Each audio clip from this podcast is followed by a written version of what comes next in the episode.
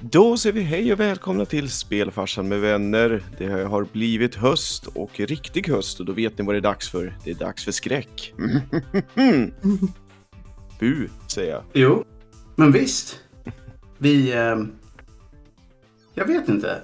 Alltså det är typ halloween-ish snart. Ja. Det är oktober i alla fall. Eller Mm. Nopetober, Scaretober. Rocktober. Nej, så Or- det, det hör inte i- hem. Det, ja, men det, det funkar kanske. Ja. Men det är i alla fall, eh, om det är någon tidpunkt på året som det är okej att spela skräckspel mer än vanligt så är det väl oktober, tror jag. Och eh, vi gjorde, jag vet inte om först, alltså det blir lite speciellt med tanke på att Linda, du kom ju liksom in via hela skräcktemat i podden. ja, exakt. Det var så jag började min karriär. Och det kändes som att det var lite en one-off i början att vi skulle göra ett skräckprogram. Men sen så insåg vi ganska snabbt att det är ett tema som kommer tillbaka varje år. Så varför inte bara maxa det så mycket som det bara går och göra ett skräckprogram per år helt enkelt. Och eh, eftersom vi alla har hållit på med det här så länge som vi inte kommer ihåg hur länge vi håller på med det här så kommer vi inte ihåg vilket nummer i följden det här faktiskt är. Så vi säger bara, det har varit ett gäng. Mm. Det är inte det första. Det, it's not a first rodeo. Nej, och det är inte den andra heller. Nej, och jag är vågar nästan säga att det inte ens är den tredje eller den fjärde. Så någonstans fyra plus. Mhm. Mm. Där. Det, det, jag tycker, det, mm, det kan jag stå för. Inte för att det var så mycket att stå för, men det, det är nästan eh, så långt jag vågar sträcka mig. Men innan vi börjar med den här eh, 2022 skräcklistan så har vi ju en stående punkt.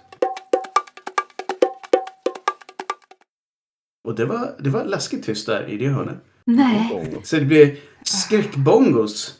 Ja, lite, lite spökljud i bakgrunden. Mm. Alltså hade man kunnat lägga in typ Lilla spöket Laban Ja. så hade man gjort det. Men det är säkert ägs av någon. Ja. Så ni får tänka bongos fast typ scary bongos. ja, bongos på pumpor. Utkarvade Ja, pumpor. precis. Köra på. Men vad var det som eh, öppnades i tystnad, eller på att säga? Mm, det, he- hela rummet fylldes med någon form av, kanske inte helt autentisk pumpadoft. Är Eh, det kemisk pumpa? eh, kemisk pumpa, det är en eh, Screaming Pumpkin Ale. Det är, det är en bra bild.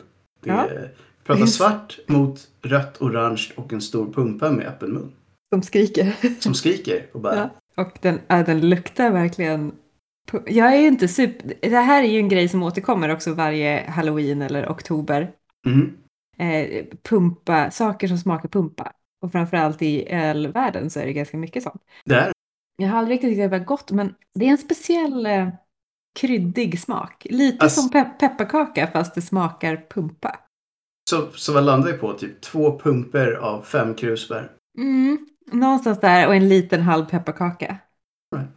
Mm. Det, det kunde varit värre, tror jag. Verkligen. Det är väldigt kul. Men alltså, jag har alltid varit lite i, i det campet att pumper ser roligare ut än både luktar och smakar och allt annat. Ja, det smakar ju inte gott. Det är inte liksom, det är inte favoriten där ute. Nej, men de är ju väldigt häftiga. Det är väldigt kul med folk som gör väldigt fina eh, pumpor till och sätter ljus i. Alltså de, jag förstår varför man använder dem som lyktor.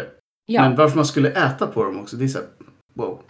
nej, det är väl fröna kanske, möjligen. Ja, ah, just det, det. Det brukar man köra till allt möjligt. Mm. För alla er som, eh, för att komma tillbaka till temat höll jag på att säga. Alla er som inte har varit med tidigare så är det här alltså ett, ett program som är det nygamla formatet på en timme. Som eh, från början tror jag vi hade det som, eller det har haft flera olika perioder, men vi hade det från början om bara skräck. Sen hade vi skräck som hade kommit ut under året som hade gått mellan programmen. Och sen så vek vi ner oss lite på det och sa att vi tar de spelen vi vill ha. Bara för att vi tycker det är kul att prata om bra skräckspel. Och nu är vi här och det känner jag egentligen att det är väl ungefär där vi står fortfarande. Att man tar de spelen man vill. Sen råkar det vara så att åtminstone min lista är egentligen bara nya spel. Min också faktiskt. Så att vi har gått tillbaka lite till det gamla fast utan att byta tema egentligen. Så att det, det råkade bara bli så år. Just för att det har kommit en hel del bra skräckspel nu. Egentligen nu runt oktober också. Så att jag undrar om folk hade planerat det här på ett, på ett lömskt vis. Who Mm. knows? Och eh, vi har två eller tre spel var som vi har valt. Och vi går varvet runt tills vi har tröttnat på det här och då är det dags att avsluta programmet. Mm. Men eh, vi, vi, vi kör klart dryckestemat och sen så börjar vi och så får vi kasta pumpa om vem som börjar. Så att jag tänkte köra Blood Mary idag, men det blev inte så utan det blev en rom och cola, vilket är läskigt dåligt, men läskigt så att ändå lite tema. Ja, exakt. Plus godare också. Det, ja, absolut. Så är det. Eh, Oskar, vad, körde du något skräcktema i glaset? Nej, det är vanliga, Ja. vanlig, hederlig, typ GT-liknande historia. Alltså det, det är ju nice. Till nästa år får vi bättring. Då, då får det vara pumper upp till yin yang. Men vem känner sig sugen på att börja med sin lista? Vem, vem har mest? Köra du som tog ordet. Toastmaster. Mm. Okej, okay. betyder det att, att, att jag ska börja? Mm. Mhm. Okej, men jag kan ju börja så här då, att de som jag har på min lista är eh, Them and Us och sen är det Plague Tale Requiem och Scorn. Mm. Och eh, man kanske ska ta det som jag tycker sämst om jämfört med vilken förväntning som de flesta hade på spelet tror jag. Så jag börjar med Scorn. Och om man ska läsa blurben för vad de själva tycker att de är så är det Scorn is an atmospheric first person horror adventure game set in a nightmarish universe of odd forms and somber tapestry. Somber Tapestry låter, eh, det låter fint med tanke på att Mm. det känns inte så somber. Men Inte så somber. Och eh, alltså jag vet inte. Rent estetiskt är det här spelet, det är snyggt. Men jag fick, jag vet inte hur mycket ni har sett av det här, men jag fick lite så här mystkänsla nästan. Alltså det är så här, som lite som att det var ett filter ovanpå grafiken. Som, det, för mig kändes det aldrig riktigt som att man var i ett spel. Det känns mer som att man såg på en film. ja, Det är lite det så här grått eh, slash brunt filter. Som att de vill göra det snyggt. Lite grann som Mm, att de vill lägga mm. ut en fin bild på Instagram men den är inte tillräckligt fin så vill lägga ett filter över. Eh, Exakt, exakt. Och jag antar att det är det jag menar med så somber. Att det är Ja. lite distat, lite dovt. Sen att de pratar om organiskt. Det är Hela det här spelet känns väldigt organiskt. Det är, allting lever. Pulserar. Även vapnet är typ ett levande organism. Och liksom ammunition det är typ så här små ägg och allt möjligt konstigt som man tankar ut eller hämtar via tentakler från väggar och sådär. Och jag vet inte, det är antagligen exakt det de ville men jag tyckte nästan att det var lite småvidrigt. Ja, det blir liksom, det blir inte läskigt på det där sättet som ett skräckspel ska vara läskigt. Det blir bara Det var, äckligt. precis, det var mer äckligt än läskigt. Mm. Och jag vet en del så här, men det är ju typ som, det är inte samma sak. Nej, det är inte, nej, det, nej, det är två helt olika saker. Mm. Så att jag landade mer så här, men det här är mer kladdigt Ja. än läskigt. Så jag tyckte inte att det var, jag blev inte rädd av att se det. Det var mer så här, äh, behövde, behövde det vara så kladdigt? Det känns mer som om de var ute efter typ gore-faktorn. Och med det sagt, jag tyckte att premissen var ganska häftig. Att man är fast i den här dystopiska, konstiga typ organismen. Men någonting som både jag och många andra som jag såg spela det spelet tyckte var sådär var att liksom det kändes mer som ett pusselspel egentligen. Alltså det är mer som ett spel man, som borde varit ett pusselspel kanske man ska säga. Där det gäller så hur man tar sig fram, man löser olika rums. För det är oftast att man kommer in i ett rum och så har man ett visst antal saker man kan interagera med och så, så lyckas man lösa det och så öppnas nästa rum liksom. Och så var man mitt inne i det och helt plötsligt kommer två fiender som man måste skjuta och det bröt upp hela tempot i spelet. Och dessutom så är det här ett spel som är väldigt old school på det sättet att fiender tappar in i en ammo eller någonting annat. Utan man har väldigt lite ammo. Och fienderna tål ganska mycket också. Jag vet inte, det... För mig kändes det mer som att det här... Alltså det är klart man vill ha den här checkboxen, typ action horror. Men det här spelet hade mått bättre av att bara vara typ puzzle horror, Ja. tror jag. Men var det, var det svårt? Att, jag tror att det var så här att körde man på svårare så var det nog riktigt svårt. För att man har inte så mycket ammunition som sagt. Och eh, vanliga fiender kanske tål en två, tre skott. Man har åtta kanske. Och två, tre träffar så är man död. Så att jag tror att jag eventuellt kanske måste tweaka det där lite grann. Eh, men, men bäst av allt hade varit om de inte hade haft eh, actiondelen överhuvudtaget tror jag. Det är intressant ändå att det tenderar att bli så med ganska många skräckspel nu för tiden. Att om, Mm. om de har den här actiondelen så, så gör det en lite besviken även fast det kan vara bra. Eller, eller I- speciellt om det är dåligt. Jag tror att det har att göra med, för att vara helt ärlig, liksom hur de spelen som har stått bäst inom skräckgenren de senaste åren har ju varit action, horror. Mm. Och då tänker man ju kanske då specifikt på Resident Evil 7 och 8 som har kommit tillbaka och blivit väldigt, liksom, säljer väldigt mycket. Mm. Att de säger, men kan de köra lite action horror så kan vi köra lite action horror också. Men det, jag vet inte, det, det är inte alls säkert att man har ett spel som passar för det formatet. Jag skulle säga att det här spelet är bra, men det kunde varit riktigt bra. Eh, för mig personligen kanske det aldrig hade kunnat bli liksom 5 av 5 med tanke på att jag gillar skräck mer än det här kladdiga, liksom obehagliga. Så Mm. har man ett sånt spel kommer jag nog aldrig ge liksom full poäng. Men jag tror att det kunnat ge mer om det inte hade varit att man var tvungen att köra lite eh, typ ammunitionsletande och att man var tvungen att springa runt och nästan kajta liksom den enklaste fienden i spelet bara för man inte ville bli träffad och dö och köra om saker. Det kändes lite onödigt. Sen så var det visuella på vissa ställen riktigt, riktigt coolt. Hur man interagerade med vissa saker för att få, utan att köra spoilers då, men det är en del riktigt, riktigt stora varelser i den här världen. Som man kunde få att eh, liksom röra sig om man gjorde vissa saker. Mm. Vilket var coolt. Så att, jag vet inte, lite hit and miss för mig tror jag. Däremot så ska vi kanske säga att det här är ett spel som finns på Game Pass. Så att har man den servicen så behöver man åtminstone inte lägga ut något extra för att se Mm. om det här är någonting man vill, vill köra. Då är det ändå värt att testa. Och det, det tror jag man faktiskt, jag har varit väldigt dålig på det själv. Just för att jag oftast är en sån här som inte, jag väljer spelet men vet att jag vill köra och sen kör jag dem rakt igenom. Men, men har man eh, tillgång till Game Pass så har man egentligen chansen att testa väldigt mycket spel for nothing. Och eh, de går ju också att, eh, det går ju att streama väldigt många spel också. Man behöver inte ens installera ganska många av dem numera. Vilket kan vara en dealbreaker för folk som inte har jättemonsterdatorer eller jättestora hårddiskar. Mm. Så att det kan också vara värt att tänka på. Men det här finns i alla fall på Game Pass från Day One och det brukar ju betyda att det kommer vara där ungefär ett år i alla fall. Men eh, har någon av er sett på, på det här spelet och kommit på någonting annat? Liksom, kände ni ungefär samma sak på det ni har sett? Ja, jag, för jag har kollat lite på det och jag kände att jag, jag det, känns, det känns lite som att det är en, jag förstår hela grejen med det här med att allting är levande och det känns som att man är typ Jona i, i valen. Exakt. men, och, och det, jag, jag tycker om idén, men sen själva utförandet på något sätt blir, det blir, men precis som du sa, det blir mer äckligt Mm. än läskigt. Nej, men jag tror att det är... Som sagt, jag vet inte om, om det är subgenre, typ gory horror. Men där har vi den. För, för jag tycker Mm. oftast att det, det, eh, skräckmomentet tappas lite grann när det blir för kladdigt. Det är ju precis som att eh, vissa av Resident Evil-spelen har ju blivit nästan lite komiska när det blir för slafsigt. Liksom. Ja. Och det är som man brukar säga om man ska gå över till filmgenre. Alltså den här splatterhorror är ju aldrig de filmer när man säger så här shit vad läskig den filmen var. Det Nej. brukar ju nästan vara så här det där var kul. Det är nästan lite humor istället. Mm. Om man typ tar Bad Taste och de där klassiska splatterfilmerna liksom.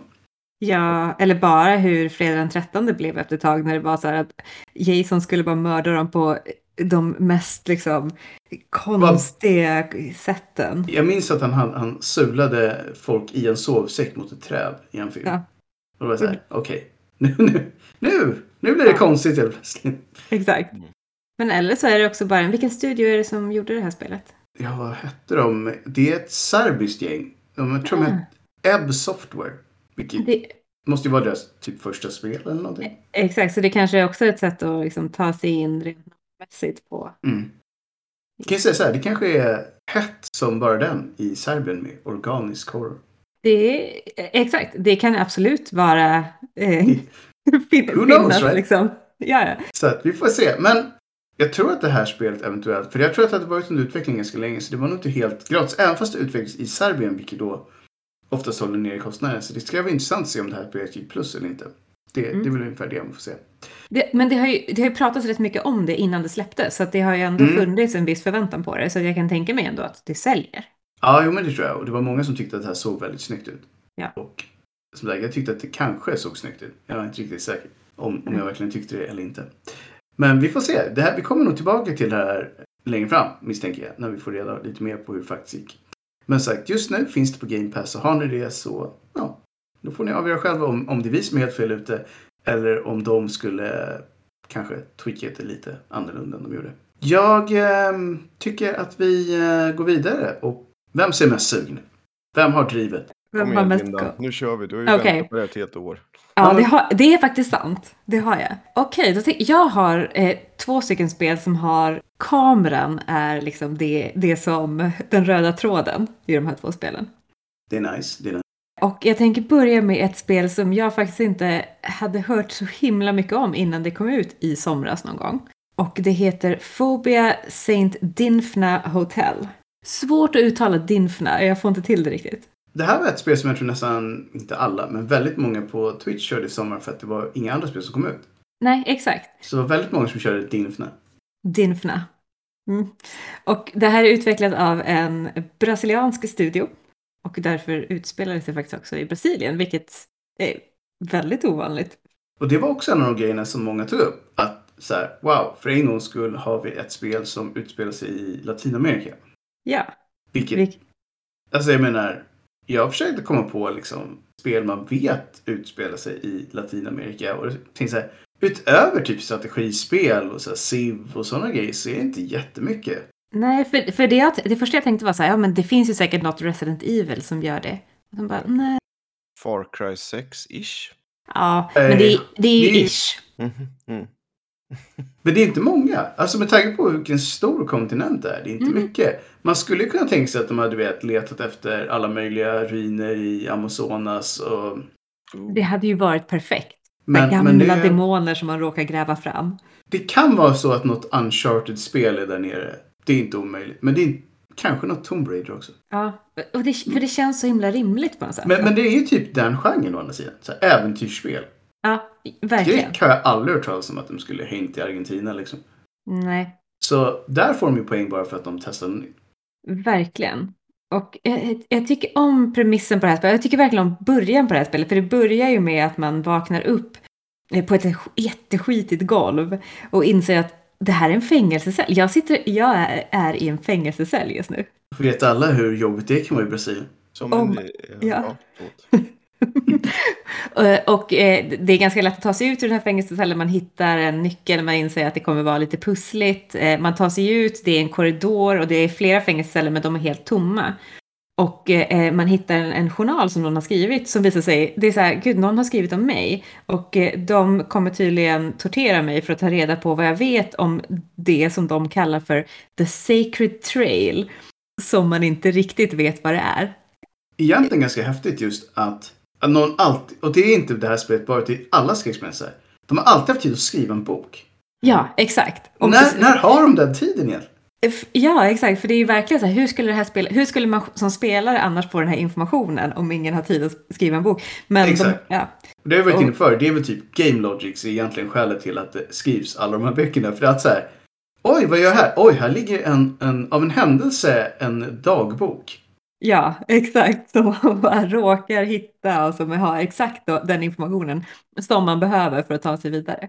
Men, men hur som helst, han, han lyckas inte riktigt använda den här informationen för att ta sig vidare därför att han eh, råkar sätta set off the alarm så att det börjar liksom röda lampor börjar blinka, det börjar tjuta och det kommer in en jättestor man, tror jag, kan, kan vara någonting omänskligt. Jag vet faktiskt inte om, om det bara inte var en big guy. Ja, han var riktigt stor. Och man, så här, man springer och springer och springer och så till slut hittar man en, en dörr med så här ratt på som man ska liksom försöka få upp. Och han kämpar och han, ja, nästan så att han får upp den men nej.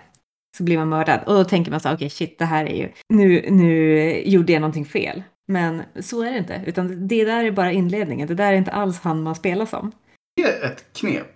Alltså Mm. det har ju använts förr, men man blir nästan alltid lika överraskad. Ja, för, för det första jag tänkte var så här, ja, nej, nu gjorde jag något brutalt misstag här. Jag måste verkligen eh, Jag, jag om." tänkte ju lite på, eh, just med den stora snubben, lite på Resident Evil 2. N- eh, X gonna give to.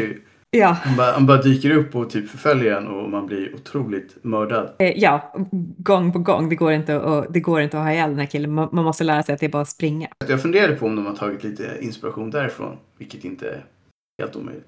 Nej, jag tror inte det. Det känns som att hela det här spelet tagit ganska mycket inspiration både från Resident Evil och inte minst Silent Hill. Mm. I, i det här fallet Silent Hill 4.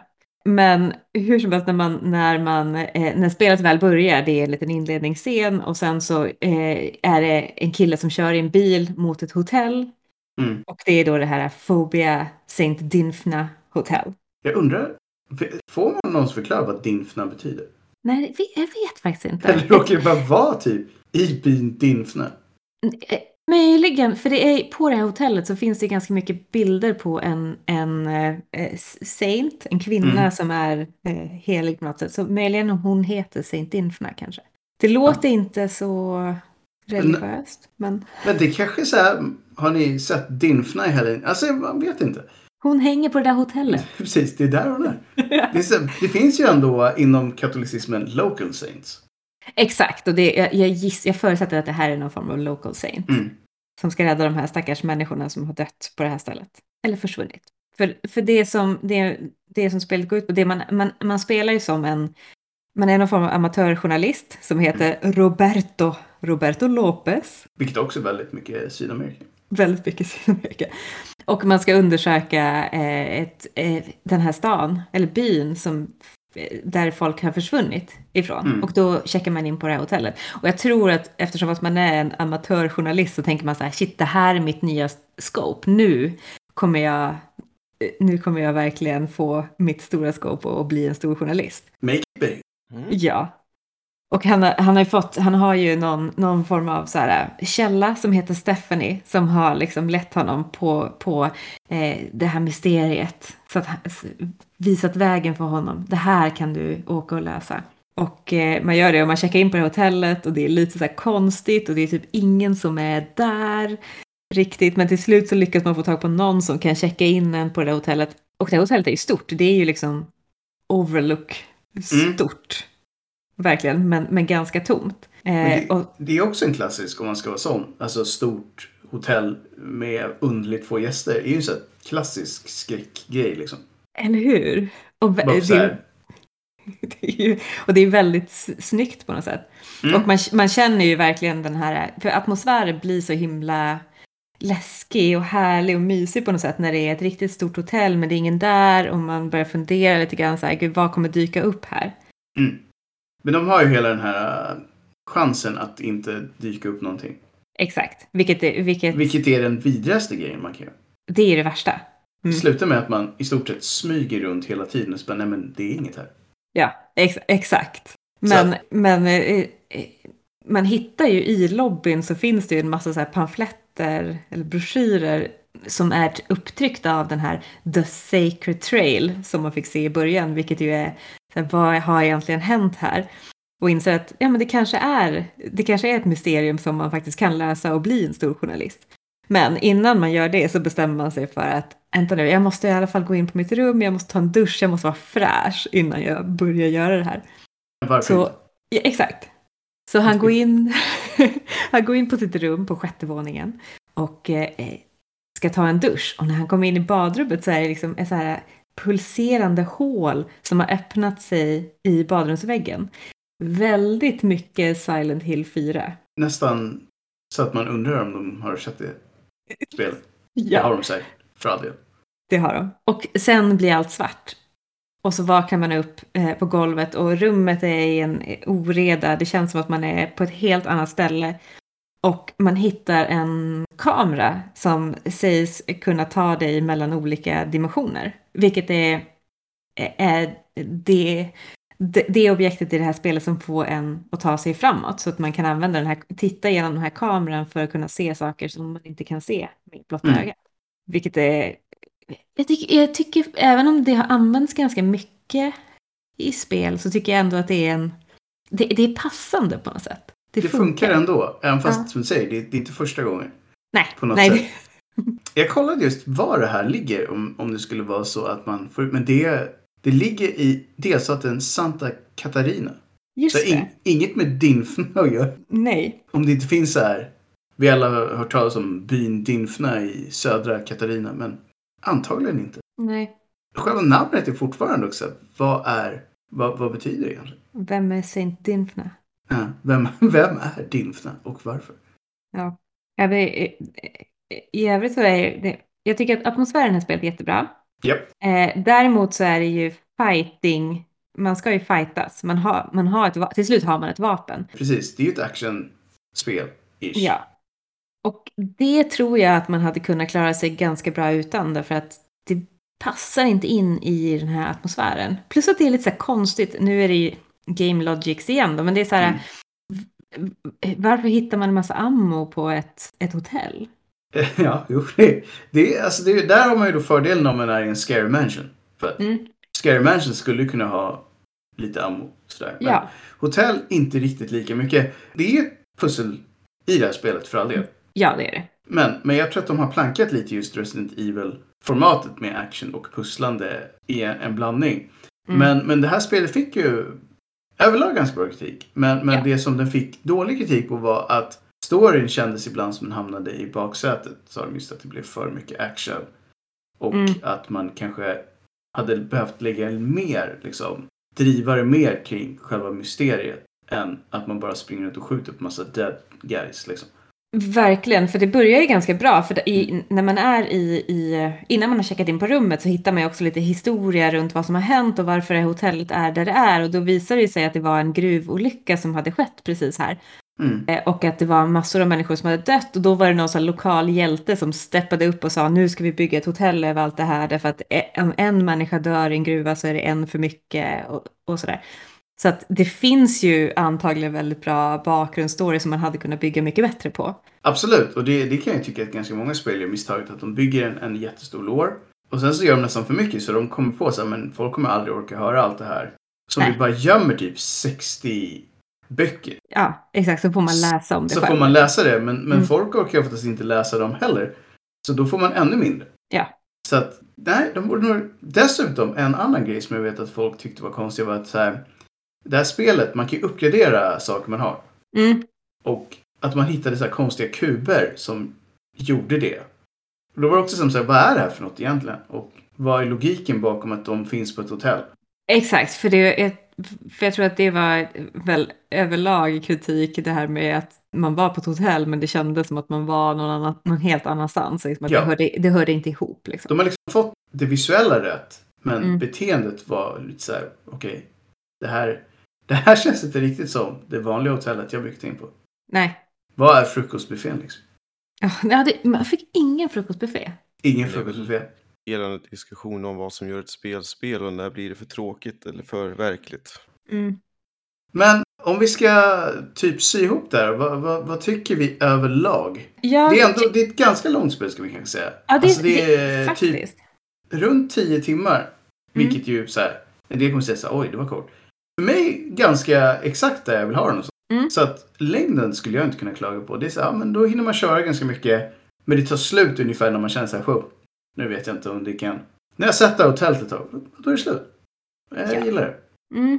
Och sen, jag, tycker, jag tycker att atmosfären är, är jättehärlig på något sätt Mm. i, i hotellet. Jag tycker att inledningen är väldigt bra, för det gav mig paus på något sätt. Mm, mm, mm. Eh, men jag tycker absolut inte om fighting-grejerna. Jag tycker inte om att behöva så här, hålla på och hitta ammunition. Sen var det, det var inget svårt, man kunde bära med sig ganska mycket grejer. Samma typ av inventory-system som i Resident Evil kanske vi ska säga att saker tar olika mycket plats. mm, Så man får pussla runt lite grann för att få med sig så mycket som möjligt. ja, men man hittar liksom en större ryggsäck då och då. Det är Mm. så här, man, man får lite. Och sen eh, sparsystemet är också ganska fint med den här klockan som man connectar mot en annan klocka och så kan man spara sin, sin progress. Så det är inget autosave utan man måste spara själv. Precis, lite som i Resident Evil så har de eh, en, en funktion kring just sparande. Ja.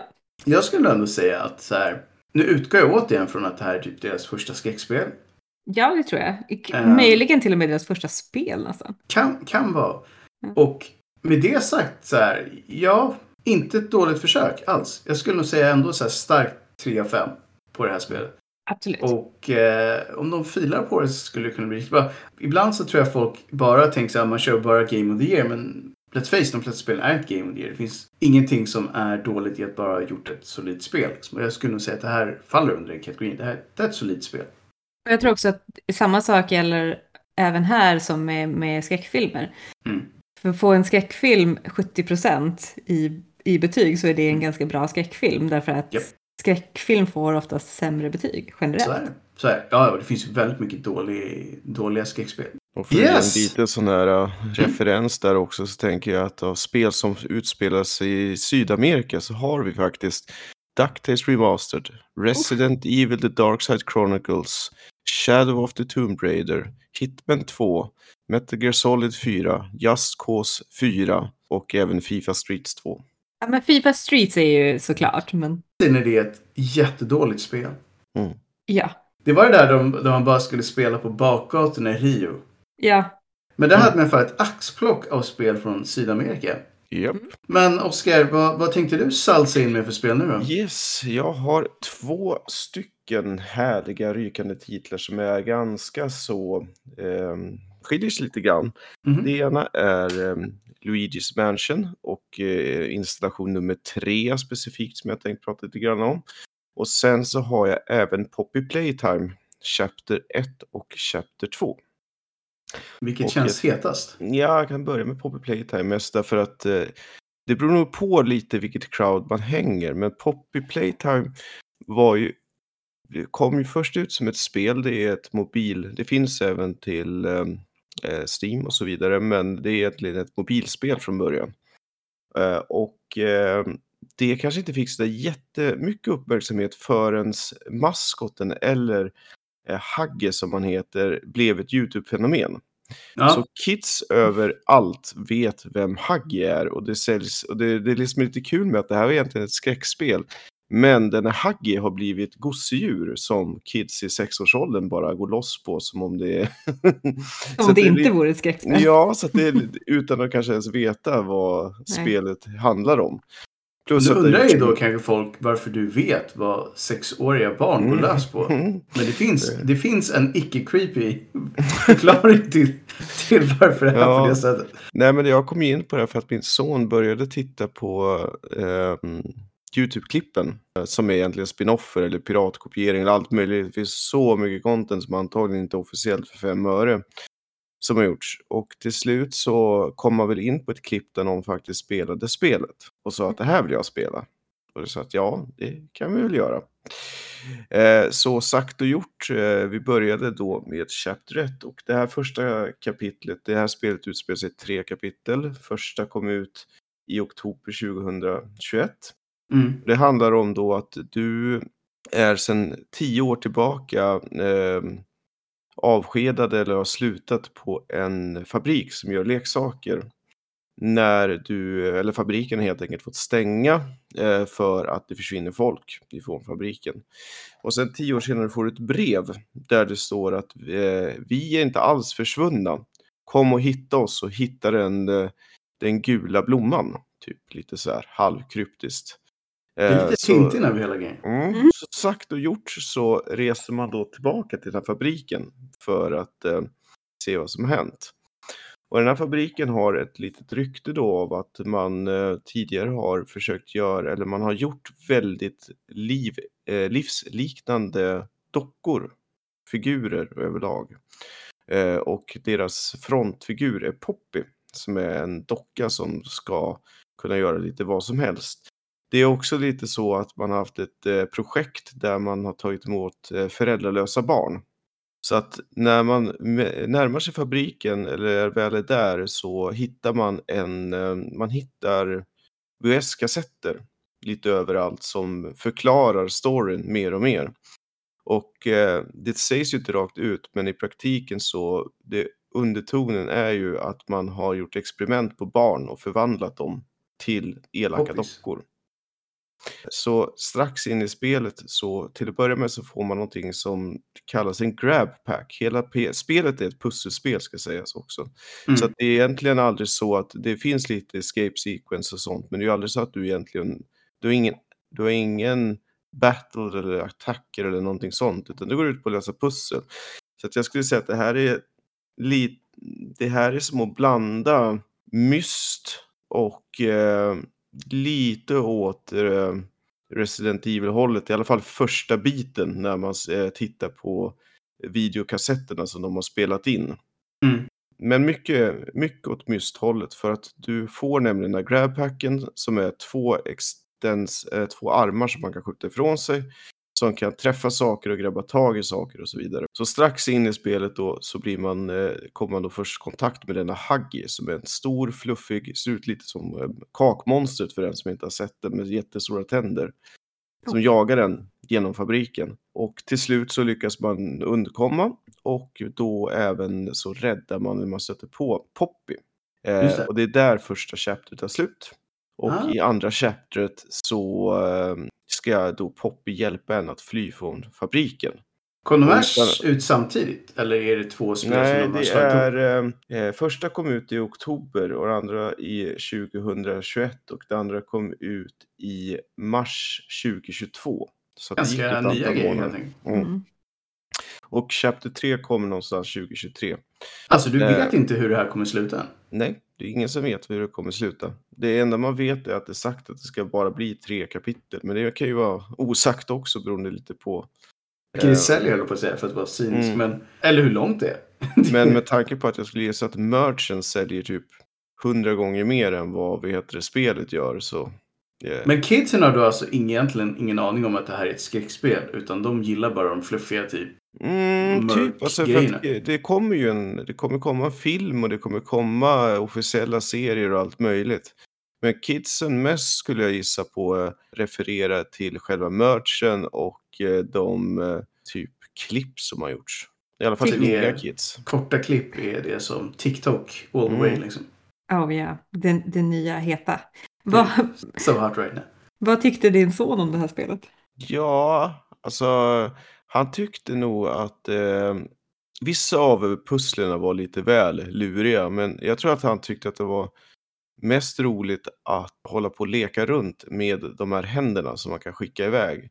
För mycket Mm. av det går ju ut på till exempel att du ska ta tag i någonting och sen dra det runt en, eh, och sen släppa och så vidare. Och så. Så att det var ju Kombinera liksom, grejer liksom. Sen i Chapter 2 så är det mer så där, det är ju, de har tagit så mycket eh, inspiration från Squid Games för där så får du egentligen tre stycken challenges som går på tid. Klarar du inte så Ah. dör du. Det är Och där är väldigt det mer, och där är det mer Mhm. så här, komma ihåg röd, blå, grön, grön, grön, blå och så vidare. Etc, etc. Så att, ehm, eh, så det där var lite mer rytm, men Mm. eh, spel egentligen. Vad snackar vi för plattformar för det här? iOS och eh, Android och Mm. även, Nu eh, på Steam alltså. ja nu finns det även på Steam. Mm. Så att det, det går att få tag i ganska Mm. enkelt ändå. Men jag skulle säga att själva spelet per se kanske inte är superläskigt. Man har ju en lite creepy feeling över att man hela tiden är jagad och det finns lite så incitament att just de här pusslen som går på tid och man ser att man eh, kommer att dö om man inte klarar det och så. Men det är egentligen det som är skrämmande med det här spelet, det är ju när man, om man tar sig tid att läsa och se loren och hitta alla de här, för de här kassetterna är också gömda, så det är inte självklart att du hittar dem. För det spelas ju upp en riktigt, riktigt mörk story i bakgrunden Mm. till hur de här dockorna kom till. Så det är väl det som jag tycker personligen är mest intressant i det hela. För själva pusselspelet, det är så här, mäh, det finns de som gör det mycket, mycket bättre.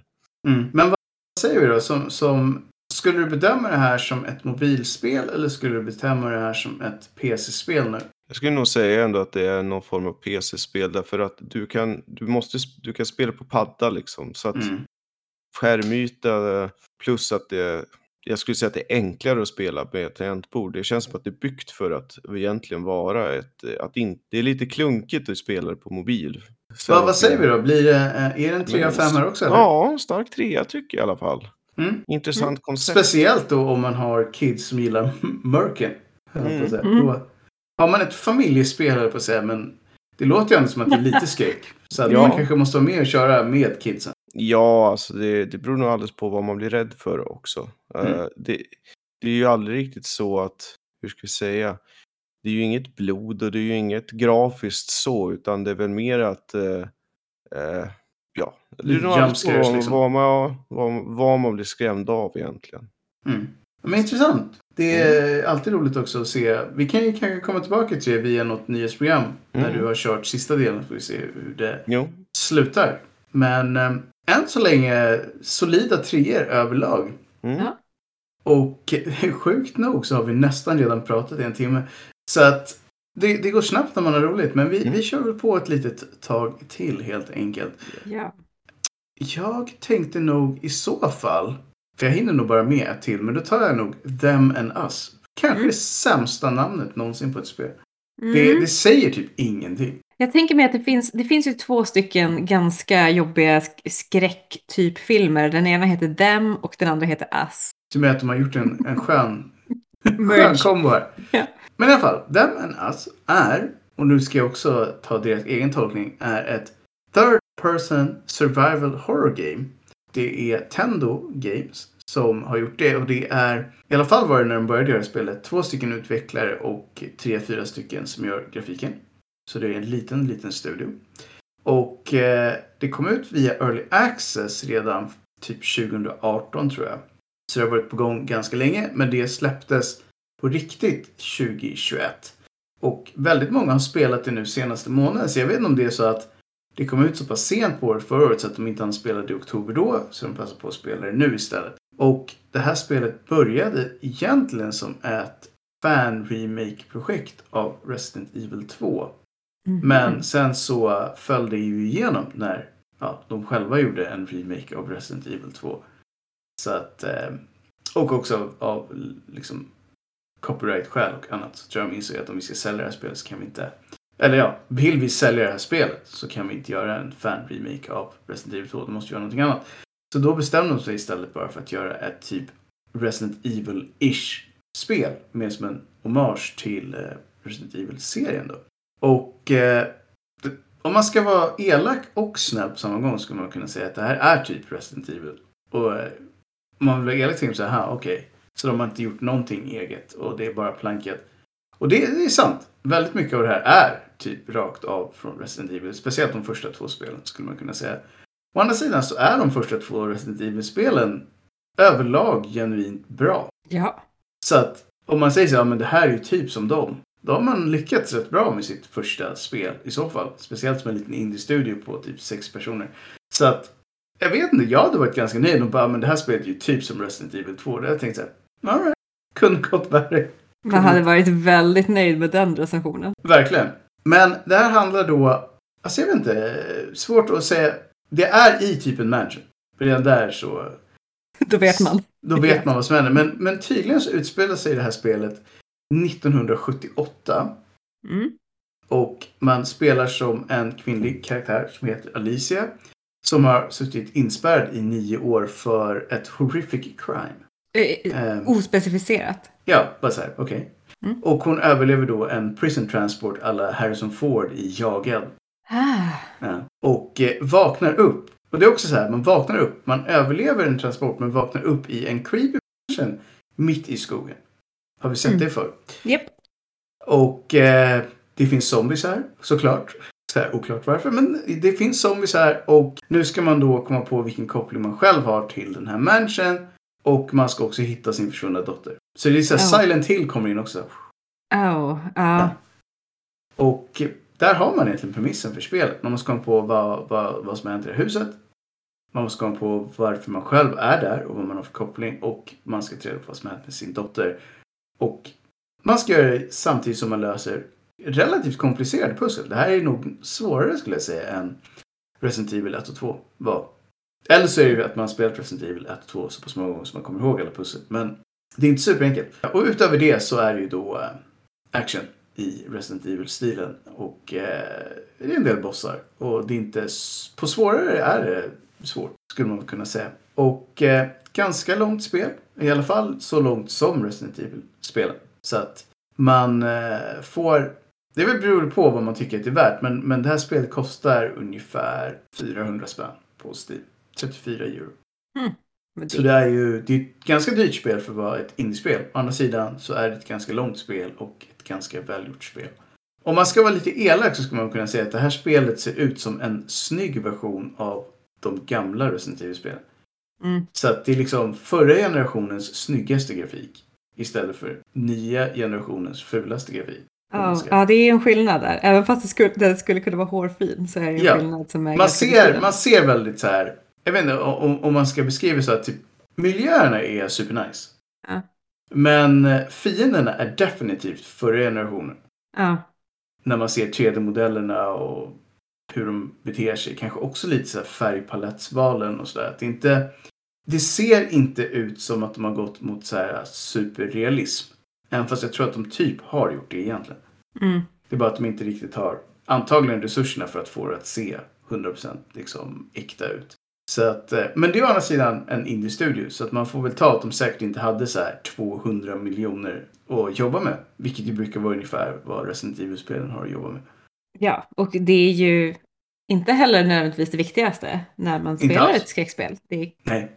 Det har vi ju, eh, som sagt, om vi pluggar vår egen YouTube-kanal där vi spelade ett indiespel som säkert inte kostade alls mycket att göra. Nej. Och eh, hade antagligen ungefär lika roligt som vi hade kunnat ha ett AAA-spel. Um, så det har ju inte alls med det att göra utan det är hur man lyckas med allting annat. Och de flesta som jag har sett köra spelet har ju varit ganska nöjda med vad de har fått för pengarna. Och, men de flesta har ju då också haft typ så här, men jag vet vad jag får. Jag, jag kommer få någon typ av Mm. Resident Evil-like. Liksom, jag vet inte vad man ska säga. Även om storyn är annorlunda så vet alla exakt. Det är det här sjuka att man vet exakt hur allt funkar.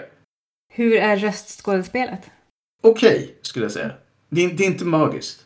Nej, Nej. det var ju aldrig magiskt i, Men det var- första Resident Evil heller. Men det var ju inte det i de andra spelen heller. Så att man kan inte riktigt vara så här för hård mot det heller. Nej. Däremot så skulle jag kunna tänka mig. Jag, jag tror inte att det är så att alla har röster heller. Nej. Nej, och jag tror att man är ganska van vid att det inte är så himla bra röstskådespeleri heller i tv-spel.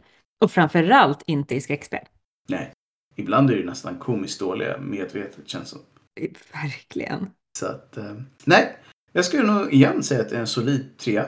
Och eh, här är det nog en dealbreaker om man tycker att det är värt pengar. Helt enkelt.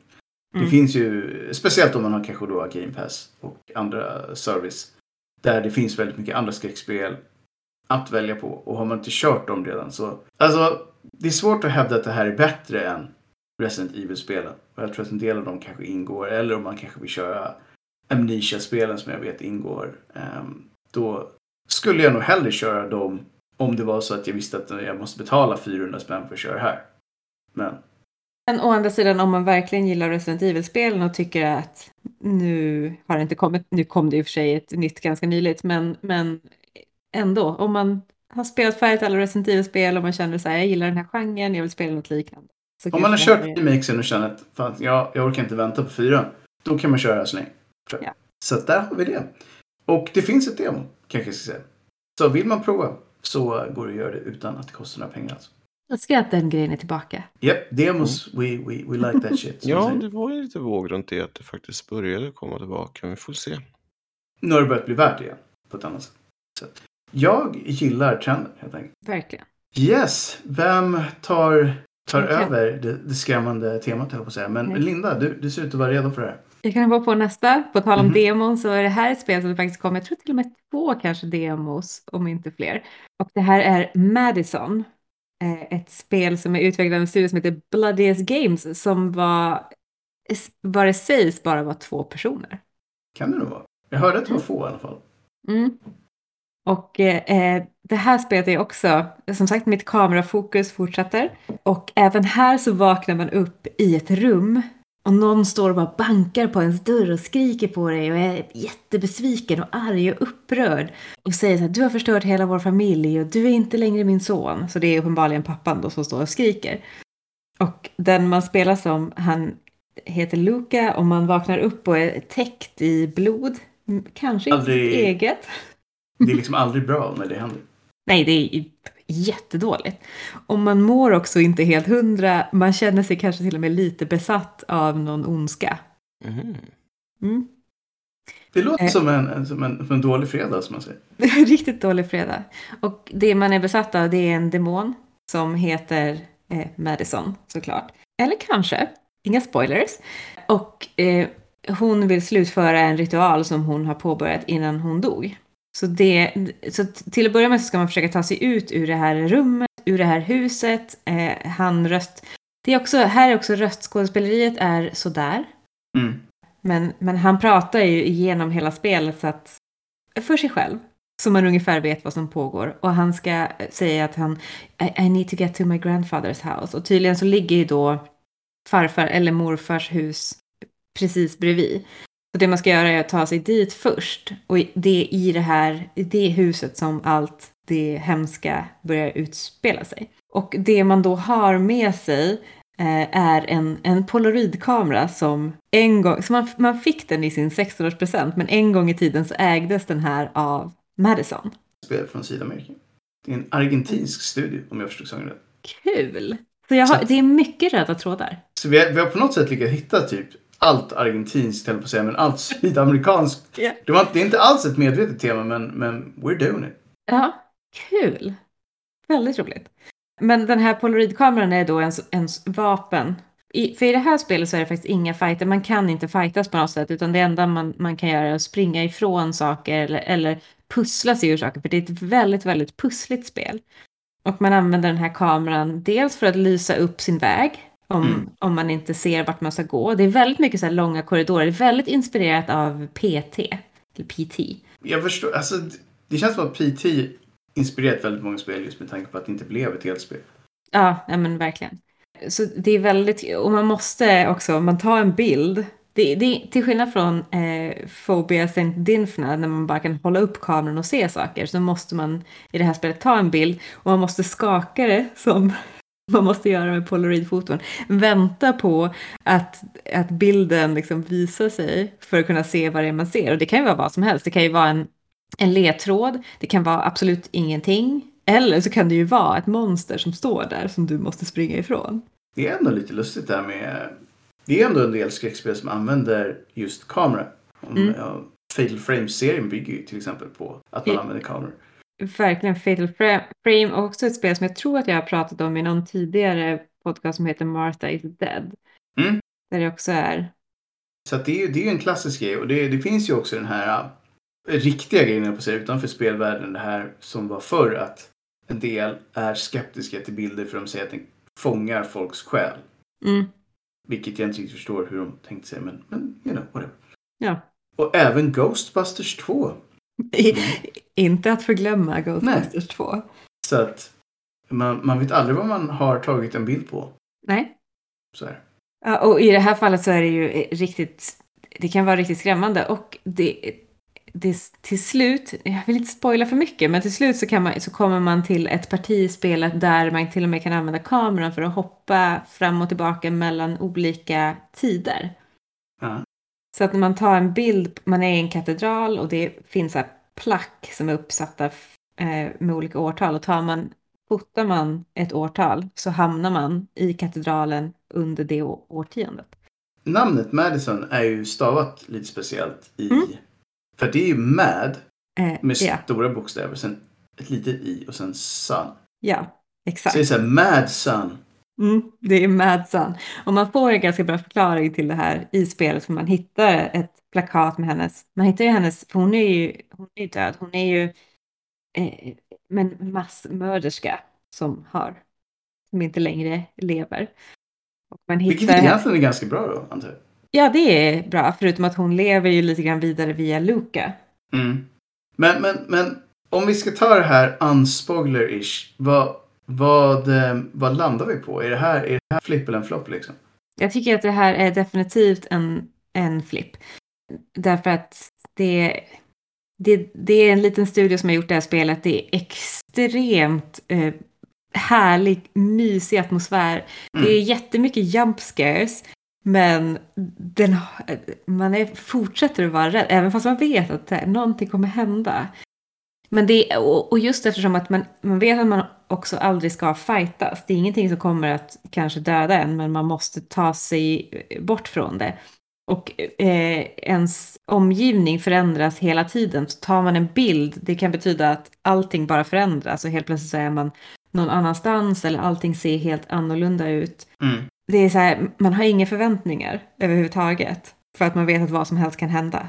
Men kan man inte dö alls? Eller är det bara det att man inte kan göra någonting? Alltså kan man inte försvara sig bara? Man kan inte försvara sig, man kan dö.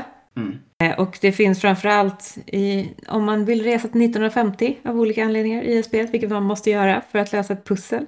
Mhm. Eh, där finns det en man i en gasmask som faktiskt kan döda en. Jag vet inte ens hur man ska svara på den liksom. Nej. Men, eh, ja. Är, är det en tre eller är det mer? Höll jag på att säga. Jag tycker bara för att jag älskar verkligen atmosfären i det här spelet. Mhm, det är, mhm. Så jag skulle nog vilja våga mig på en fyra därför att jag tycker att det är så Oh, värt att spela det. Mhm. Det är ett kort, relativt kort spel. Mm. Jag tror att det är 6-7 timmar kanske. Någonstans där om man spelar det snabbt. Kanske Mm. 9 om man är dålig, vilket yours truly. För att ha det bra, om man är grundlig. Ja, man är grundlig. Och det, problemet med det här spelet är också lite grann, eller problemet och det som gör att det blir ett längre spel är också att eh, ledtrådar, saker som du måste ha för att komma vidare, saker som du måste använda vissa pussel, kanske inte dyker upp förrän du har varit på ett visst ställe några gånger. Nej, Vilket exakt. kan vara irriterande, jag är inte säker på att jag gillar det. Men Nej, det är lite så här game logics när det är dåligt. ja, så det kan vara lite småirriterande. Men annars tycker jag verkligen att pusslen är väldigt bra. Jag tycker att det här pusslet med, med katedralen när man åker fram och tillbaka i tiden är ganska roligt och väldigt stressigt därför att man just, just då har den här mannen i gasmask som verkligen springer efter en och är Mm. jättearg. Han är eh, upprörd helt enkelt. Han är väldigt upprörd. Och eh, jag tycker att person, de få personer som man träffar ändå ger, är, de är semibra utvecklade Mm. och, och det är en, en, en story som är härlig att följa till slutet som kanske inte är helt hundra men Slutet i skräckspel. Det, det är ju liksom notoriskt för, Ja. för genren. exakt. Inte bara spel. Skräck överhuvudtaget är alltid svårt att sy ihop. Ja, Så att, jag vet inte. Den, den är svår. Det är nästan som man skulle ha ett eget avsnitt om bara slut i skräckspel. Om man Ja, exakt. Om de klarar det lite. ja. Men nej, ändå en fyra. Det är vår första fyra för den här gången. Mhm. Eh, Oskar, känner du redo att dra en kort om ditt sista? Skulle kunna dra en kortis om uh, Luigi's Mansion. Eh, Luigi. Mm. Det här är också ett, eh, en eh, serie som jag blev introducerad i eh, sent. Så att jag har egentligen bara spelat det tredje, senaste installationen. Och eh, det är ju, eh, för mig så är det här Scooby-Doo fast i Mario-förpackning i princip. Mm. Luigi Det blir, eh, blir inbjuden till ett hotell för att få spendera en natt där som eh, det håller på att öppnas. Och eh, så förvandlas hela hotellet till ett spökhotell. Och alla ens kompisar, det vill säga Mario och gänget, har blivit eh, kidnappade eller förtrollade in i tavlor som eh, Luigi ska försöka rädda. Och till sin hjälp har han en spökhund Mm. och en dammsugare. Dammsugaren är ju genomgående för den här serien. Ja. Mm. Mm. Ja, och, eh, Polterpup heter ju den och den heter någonting eh, Poltergust Ja, G000 heter eh, dammsugaren som eh, är tillverkad av eh, professor E. Gadd. Mm. Han är ju den som hjälper då Luigi genom att, eh, och spelet går ju i princip ut på att förutom att eh, knäcka diverse hemska spöken eller suga in dem Ghostbuster-referensen är ju tydlig också förstås. Det är ju att eh, hitta eh, knappar till hissen. För de är borta. För att, komma vidare så måste man få tag i de här typ som eh, I de tidigare spelen letade man efter nycklar, så det här kanske Mm. är liksom motsvarigheten då. Ja, det är i princip som att om man tänker sig i ett proppskåp så är det som att alla de här eh, knapparna har ramlat ur hissen. När du Mm. hittar den då kan du skruva in den igen i eh, sin socket och sen Och kan du trycka den. Mm. Och på så sätt så finns det åtta våningar i hotellet som du ska ta dig igenom. Och man rör sig uppåt eller neråt. Uppåt och neråt. Det finns en källare också som man kan besöka. Och så är det i princip en stor boss per våning. Och surprise, surprise så är Bowser med i ett hörn på det hela. Mhm. Mhm. Det tror jag inte han har varit förut. Nej. Nej. Så um, det är en stor grej i det hela. Och det är, um, men det är en massa pussel på olika sätt också. Knappar som ska tryckas på och det ska göras olika saker. Det här är Eh, de serierna som är lite speciella också just för att det är Luigi som är huvudpersonen. Mm. Mm. Någonting som jag skulle vilja tillägga rätt kort, det är att det finns ganska, det kom ett pack med multiplayer-tillägg till det här spelet. Inte till huvudspelet, utan man Mhm. lanserade åtta stycken minispel. Och ett av dem är airhockey, som är förbaskat kul. Så i princip så använder du, det släpps massa brickor och så är det två mål. Så att du Mhm. använder dammsugaren för att skjuta och, eh, eller skydda eh, mot motståndarens puckar.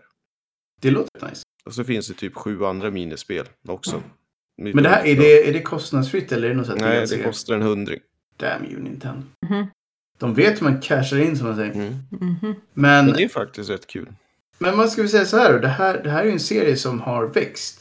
Mm. Ehm, det första spelet ansågs ju vara nice, men det var inte, det var inte supermånga som sålde. Och sen tror jag andra spelet var lite då folk började inse att det här faktiskt var ganska roligt. Och trean var väl, när den kom, ganska efterlängtad. Jo, det var många som streamade, det var många som Mm. tog tag i det. Och det är ett roligt spel. Så att, Det ett familjespel ska man kunna säga. mm, det är det ju absolut. Det är inte för krångligt, det är inte för svårt och det är ganska så... Mm. Det, är rätt, det är rätt lagom liksom överlag. Det blir lite klurigare mot slutet där man måste använda ficklampan för att först eh, få att stanna upp och sen så måste man suga tag och så måste man dra åt höger håll och etc. etc, etc. Så det, det Det blir ju med, som sagt... som vanligt att det är på, på switchen helt enkelt. Mm. Vi har faktiskt redan dragit över på en timme, så vi hinner inte köra alla spelen, tråkigt nog. Vi får väl helt enkelt nämna dem i något annat tillfälle. Men de vi har kan vi ju då alla... Vi landade kanske inte riktigt i något betyg för ditt sista. Är det en tre eller en fyra, Oskar? Jag tror nog faktiskt det är en fyra. Nej. Oh. Då har vi ändå två fyror och ett gäng treor. Så att vi kan rekommendera alla spel vi har pratat om idag. Mm. Så länge ni såklart gillar eh, skräckspel, ska vi kanske säga. Mm.